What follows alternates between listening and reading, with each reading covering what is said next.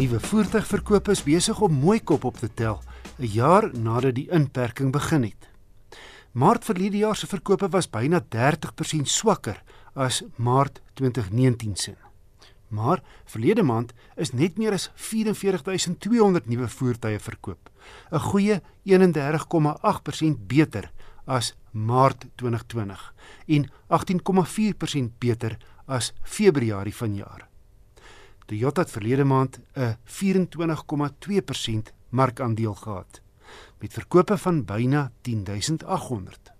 Volkswagen was tweede, gevolg deur Nissan, Ford en Hyundai. Sesde was Suzuki wat weer 'n rekordmaand beleef het met verkope van 2397 eenhede. Sewende was Isuzu, gevolg deur nog 'n vervaardiger met 'n rekordmaand, Haval, wat GWM bakkies insluit met 1526 eenhede. Die Toyota Hilux was loshande die topverkoper met in 'n kron die getalle af 3900 eenhede. Ford Ranger tweede 2400, dan die Volkswagen Polo 2200, vierde die Volkswagen Polo Vivo 1900, gevolg deur die Isuzu D-Max 1600.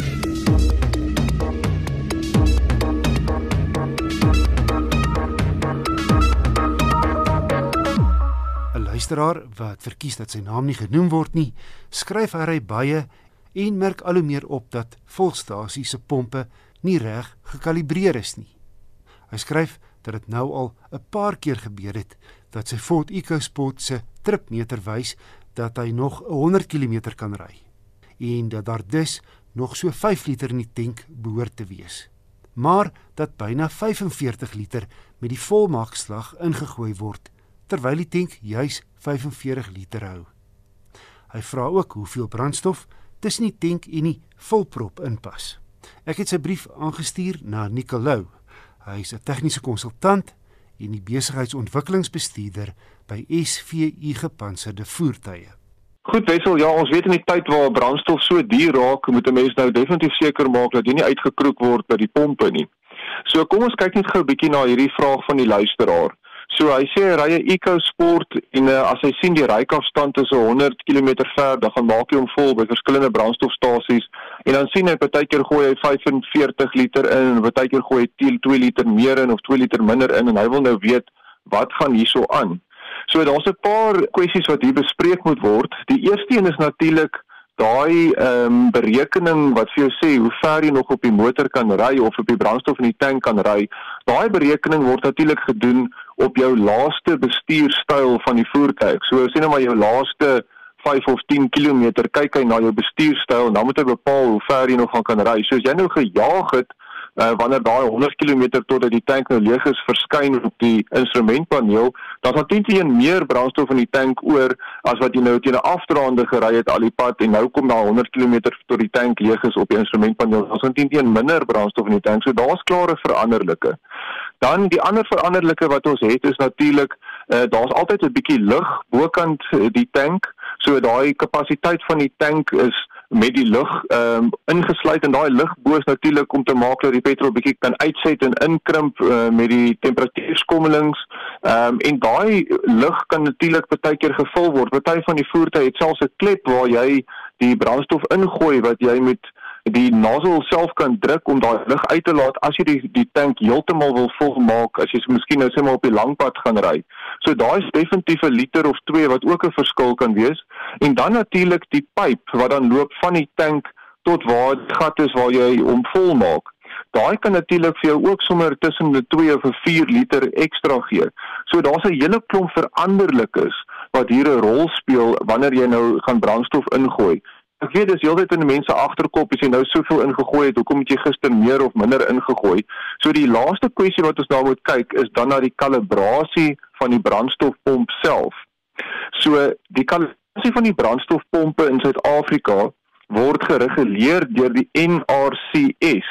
So dis nou die nasionale reguleerder van standaarde. Hulle is verantwoordelik om elke brandstofpomp in die land te gaan kalibreer en seker maak dat daai kalibrasie reg is. So, hoe gereeld word dit nou gedoen? Ten minste een keer 'n jaar. So wat gaan gebeur is die, die tegnikus sal uitgaan na elke pomp toe, hy gaan hom kalibreer en dan word daai kalibrasie verseël. Daai waar hy verseël word is dan ook 'n ID-nommer op wat dan vir jou kan terugwys na die kalibrasie en op die datum waar dit gedoen word en daai seël kan natuurlik nie aangekrap word nie as daai seël aangekrap word word dit natuurlik gebreek en die brandstofstasie kan selfs dan verbied word as so seël gebreek word om enige brandstof te verkoop. Ehm um, dan kan 'n mens vra nou maar sê maar jy dink nog steeds 'n brandstofstasie is besig om jou te verkil. Wat kan jy nou doen? So wat jy kan doen is jy kan die NRCS kontak en hulle sê dis die adres van die brandstofstasie wat jy dink miskien mense verkil en dit is die pompnommer dan kan hulle 'n tegnikus gaan uitstuur om daai kalibrasie weer te gaan doen op daai spesifieke pomp. En as dit dan sal uitkom dat daar wel met daai kalibrasie gekrap is en dat hy nie korrek is nie, weer eens, dan kan daai eienaar van daai brandstofstasie onmiddellik verbied word om enige brandstof te verkoop. So dis 'n baie ernstige oortreding. Want soos ons luisteraar ook gesê het, dit hang af hoeveel brandstof jy ingooi, net 'n klein fout op daai kalibrasie kan op die ou end baie geld uit jou sak uitjaag um, as dit verkeerd is. So ja, in die meeste gevalle moet ek sê is die kalibrasies op die pompe is oral korrek, maar soos ek sê as jy voel daar is een wat vir jou heeltemal uitgelyk het, dan kan jy hulle aangee by die NRCS, maar soos ek gesê het, onthou net daar is heelwat veranderlikes as dit kom met die brandstof ingooi in jou tank.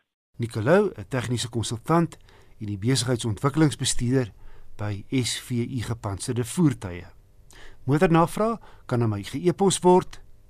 Die adres is wissel@rsg.co.za. Volgende week meet twee kompakte kruisvoertuie kragte. Die Honda WRV teen die Suzuki Vitara Brezza.